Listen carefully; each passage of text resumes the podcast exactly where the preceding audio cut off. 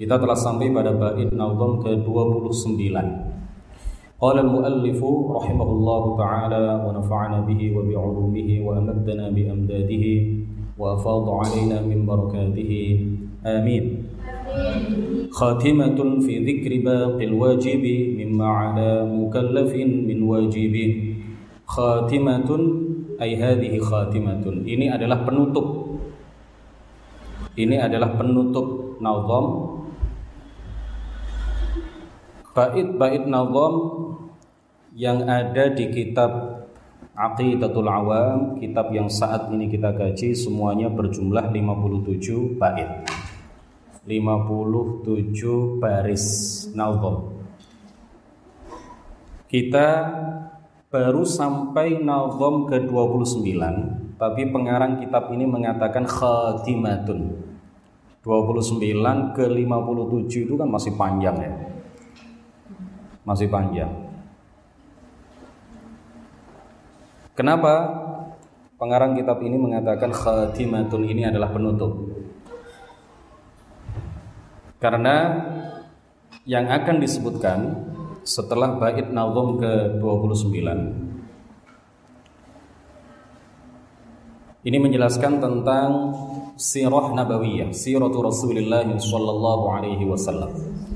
Dan pengarang kitab ini sirah itu artinya perjalanan hidup, sejarah hidup.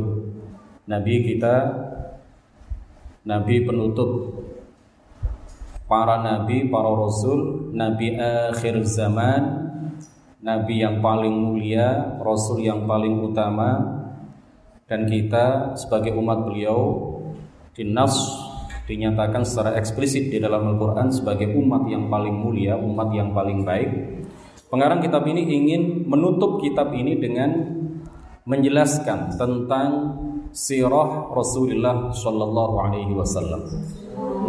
Tentang sejarah hidup Rasulullah Shallallahu Alaihi Wasallam.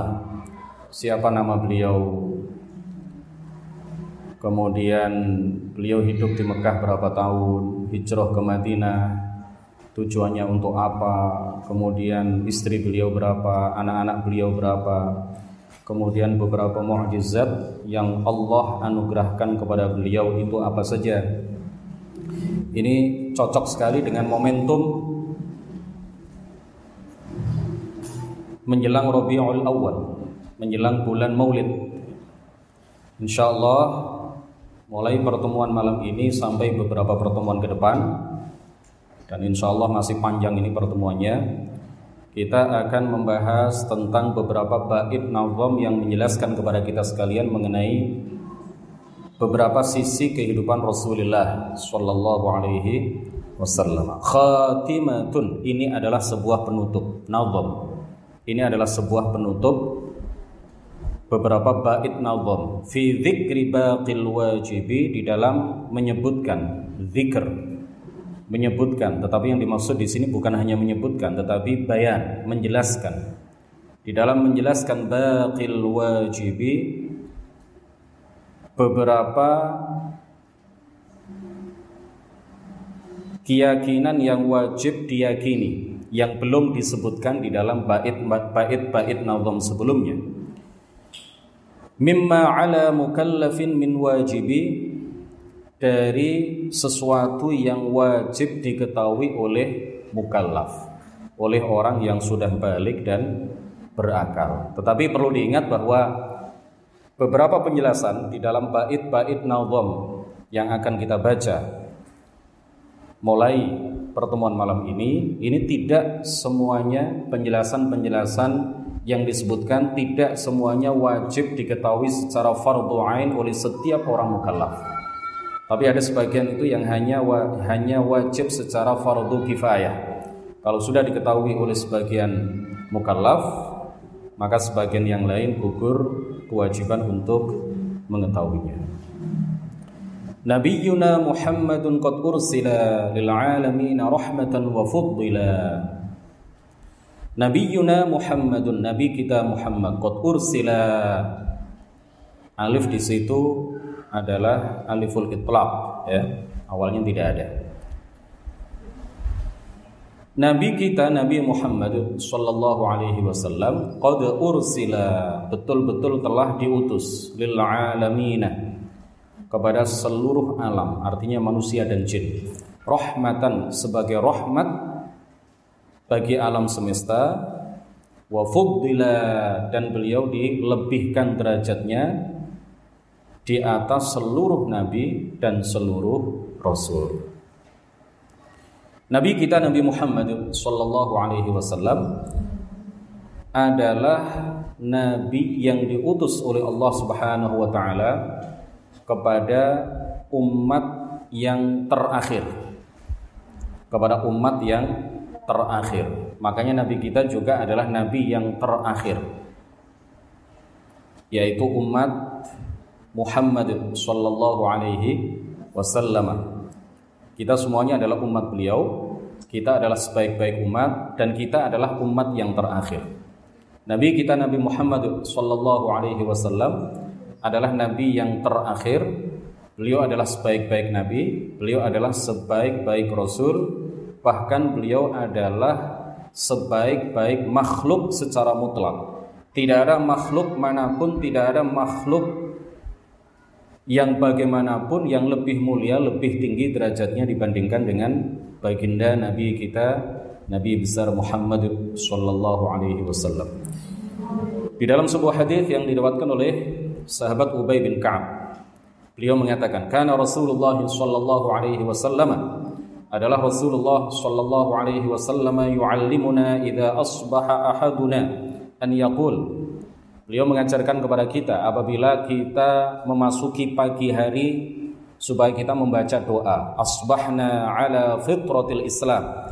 Kita memasuki pagi hari dalam keadaan memegang teguh fitrah Islam wa kalimatul ikhlas dan memegang teguh kalimatul ikhlas yaitu la ilaha illallah wa dini nabiyyina Muhammadin dan agama nabi kita yaitu Nabi Muhammad sallallahu alaihi wasallam. Al haditha dan seterusnya. Fahuwa sallallahu alaihi wasallam nabiyyu nafsihi wa nabiyyu ummatihi. Jadi beliau Nabi Muhammad adalah nabi bagi diri beliau sendiri dan nabi bagi umat beliau. Nah adapun penamaan beliau adapun nama-nama beliau yang paling populer dan yang paling mulia adalah penamaan Muhammad sallallahu alaihi wasallam. Jadi tasmiyah An-Nabi bi Muhammad penamaan Nabi Muhammad dengan Muhammad dengan nama Muhammad ini adalah penamaan yang ashar asma'ihi yang merupakan nama bagi beliau yang paling populer. Jadi beliau namanya tidak hanya Muhammad, tapi beliau ada e, diberi beberapa penamaan ya. E, beliau disebut dengan beberapa nama. Tetapi nama yang paling mulia nama yang paling masyhur nama yang paling terkenal nama yang paling populer adalah nama Muhammad Muhammad. Kenapa nama ini adalah nama yang paling populer? Kenapa Muhammad adalah nama yang paling terkenal paling mulia. Li'inba'ihi an kamalil hamdi al-munbi'i an kamalihi fil khalqi. Karena Muhammad ini memberitahukan kepada kita penamaan Muhammad ini merupakan pemberitahuan kepada kita mengenai kesempurnaan beliau di dalam penciptaan. Muhammad. Apa artinya orang yang terpuji orang yang mendapatkan pujian, orang yang terpuji. Nah, nama ini seakan-akan memberitahukan kepada kita bahwa beliau adalah orang yang sempurna di dalam penciptaan. Bentuk fisik beliau sempurna, akhlak-akhlak beliau juga sempurna. Salah seorang ahli hadis yang bernama Al-Munawi, beliau mengatakan waqad summiya bihi. Dan Nabi Muhammad sungguh telah diberi nama dengan Muhammad. Imma likathrati khisalihil hamidah alasannya adalah ada kalanya karena sifat-sifat beliau yang sangat banyak yang semuanya terpuji wa imma li'annahu ta'ala wa malaikatahu hamiduhu hamdan katsiran balighan ghayatal kamal. Dan ada kalanya dikarenakan Allah Subhanahu wa taala dan malaikat-malaikat Allah Subhanahu wa taala memuji baginda kita Nabi besar Muhammad sallallahu alaihi wasallam dengan pujian yang banyak dengan pujian yang sangat, dengan pujian yang melambung tinggi dan sampai pada puncak kesempurnaan. Jadi Al-Munawi mengatakan bahwa kenapa Muhammad, kenapa Nabi kita diberi nama Muhammad? Imma li kathrati khisalihil hamidah. Ya, kemungkinan ada dua sebab. Sebab yang pertama karena banyaknya sifat-sifat beliau yang terpuji tidak terhitung jumlah sifat-sifat beliau yang yang terpuji dan sebab yang kedua karena Allah dan malaikat-malaikatnya memuji baginda Rasul Muhammad sallallahu alaihi wasallam dengan pujian yang banyak di dalam Al-Qur'an ya dan di dalam beberapa hadis qudsi Allah Subhanahu wa taala dan malaikat-malaikatnya memuji beliau dengan pujian-pujian yang banyak balighan yang apa membumbung tinggi, melambung tinggi pujian itu ghayatul kamal balighan ghayatul kamal yang mencapai apa? puncak kesempurnaan. Pujian itu mencapai puncak kesempurnaan. Wa qala al-Qadhi Iyad, salah seorang ulama yang bernama Al-Qadhi Iyad. Beliau mengatakan waqad hamallahu hadzal isma falam yatasamma bihi ahadun mimman idda'a an-nubuwwata fil Islam ma'a kathratihim. Allah Subhanahu wa taala menjaga nama ini sehingga tidak seorang pun di antara nabi sebelum Nabi Muhammad sallallahu alaihi wasallam yang diberi nama dengan nama Muhammad.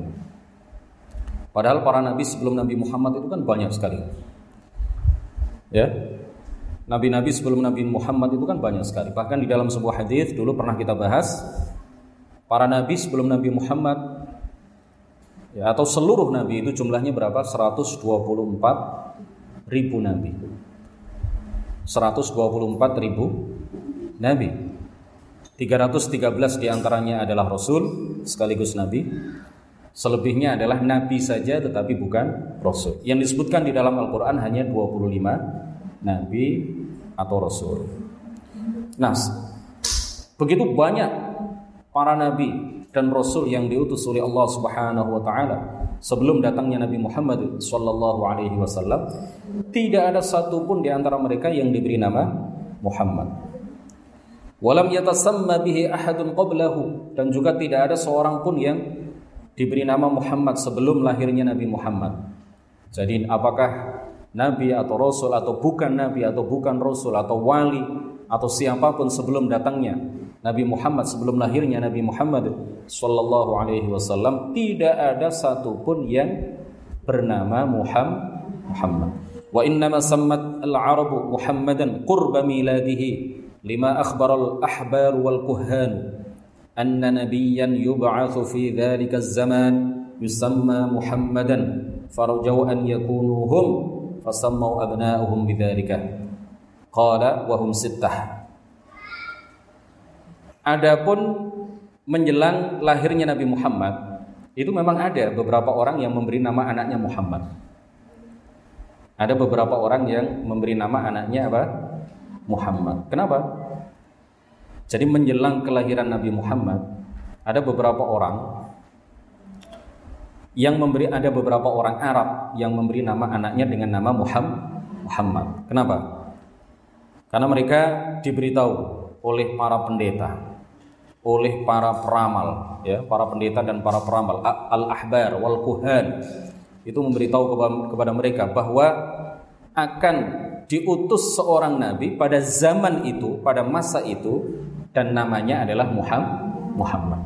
Jadi karena didorong oleh keinginan supaya anak-anak mereka ini menjadi seorang utusan, seorang nabi, seorang rasul yang diutus oleh Allah untuk bangsa Arab dan non-Arab, Dan hal itu diberitakan oleh para peramal dan diberitakan oleh para pendeta. Para pendeta tahu mengenai hal itu karena mereka paham betul bahwa di kitab Injil, di kitab Taurat dan di kitab-kitab sebelumnya yang asli, kitab-kitab yang asli diberitahukan di sana bahwa pada masa itu ya, menjelang masa itu akan diutus seorang nabi akhir akhir zaman. Oleh karena itu mereka memberikan nama anak-anak mereka dengan nama Muhammad Muhammad mereka berharap berharap bahwa anaknya yang diberi nama Muhammad ini akan diutus sebagai nabi akhir zaman. Dan menurut Al-Qadhi Iyad jumlah orang yang bernama Muhammad menjelang kelahiran Nabi Muhammad itu ada enam. Nah, tapi ini menurut beliau ya, menurut ulama yang lain lebih dari enam. Waqad Jamal al-Hafidh Ibnu Hajar asma man tasmau Muhammadan fi juz'in mufradin fabelagu nahu 20. Al-Hafidh Ibnu Hajar Beliau bahkan mengumpulkan orang-orang yang bernama Muhammad menjelang kelahiran Nabi Muhammad dan di dalam sebuah karya khusus ya dan mereka semuanya mencapai jumlah 20 orang. Lakin ma'a takarrurin fi ba'dihim wa wahmin fi ba'din. Fatatabba'aha wa dhabataha fi 15 tetapi kemudian beliau tahqiq ya beliau validasi. Beliau apa uh, buang beberapa nama yang merupakan pengulangan ya.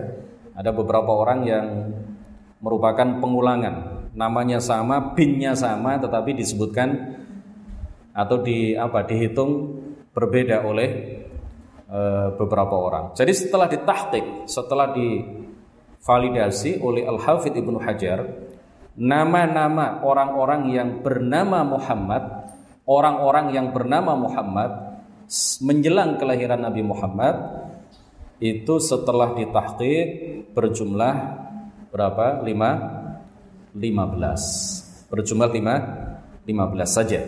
Ya ada Muhammad bin Adi bin Rabi'ah At-Tamimi ini yang paling masyhur ini Muhammad bin Yazid bin Amr bin Rabi'ah At-Tamimi kemudian ada Muhammad bin Usama bin Malik At-Tamimi Muhammad ibn Sufyan ibn Mujashi' At-Tamimi Muhammad ibn Uhayhah ibn Al-Julah Muhammad ibn Al-Bara' Al-Bakri Muhammad ibn Yahmad Al-Azdi dan seterusnya sampai 15 nah, jadi nama-nama orang-orang yang uh, apa jumlah orang-orang yang bernama Muhammad menjelang kelahiran Rasulullah Shallallahu Alaihi Wasallam itu ada berapa? Lima, lima belas.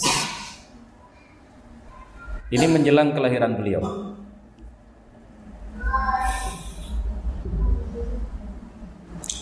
Waqad jama' al-qadhi Abu Bakr Ibnu al-Arabi al-Maliki fi syarhihi 'ala at-Tirmidzi sab'atan wa sittina isman lin nabiy sallallahu alaihi wasallam mengenai berapa nama Nabi Muhammad sallallahu alaihi wasallam. Jadi yang 15 tadi apa?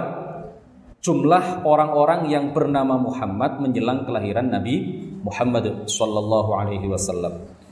Adapun nabi kita nabi akhir zaman Muhammad bin Abdullah ini juga memiliki beberapa nama. Jadi nama beliau tidak hanya Muhammad. Beliau tidak hanya disebut Muhammad. Beliau disebut dengan beberapa nama. Ada berapa nama bagi Nabi kita Nabi Muhammad sallallahu alaihi wasallam? Al-Qadhi Abu Bakar Ibnu Al-Arabi Al-Maliki, beliau menyebutkan di dalam Syarah At-Tirmidzi bahwa baginda Nabi besar Muhammad sallallahu alaihi wasallam itu memiliki 67 nama. Banyak ya? 67 nama. Bahkan sebagian mengatakan beliau memiliki 99 nama. Dicocok-cocokkan dengan jumlah al-asma al-husna yang juga 99. Ibnu Dihyah bahkan mengatakan baginda Nabi kita Muhammad sallallahu alaihi wasallam memiliki 300 nama. Sebagian bahkan mengatakan 400 nama. Bahkan sebagian kaum sufi mengatakan Nabi Muhammad itu memiliki seribu nama. Banyak sekali. Bahkan Ibnu Faris mengatakan kanjeng Nabi, baginda Nabi Muhammad Sallallahu Alaihi Wasallam itu memiliki alfani wa ashrun 2020 nama. Banyak sekali. 2020 nama. Tetapi para ulama ahli tahqiq ya, para ulama ahli tahqiq mengatakan bahwa aktsaru ma dzakaruhu huwa min qabilis sifat la al asma. Para ulama ahli tahqiq mengatakan bahwa sebagian besar yang disebutkan oleh para ulama terkait dengan nama-nama nabi itu sejatinya bukan nama tetapi adalah si sifat. Ya, tetapi adalah sifat.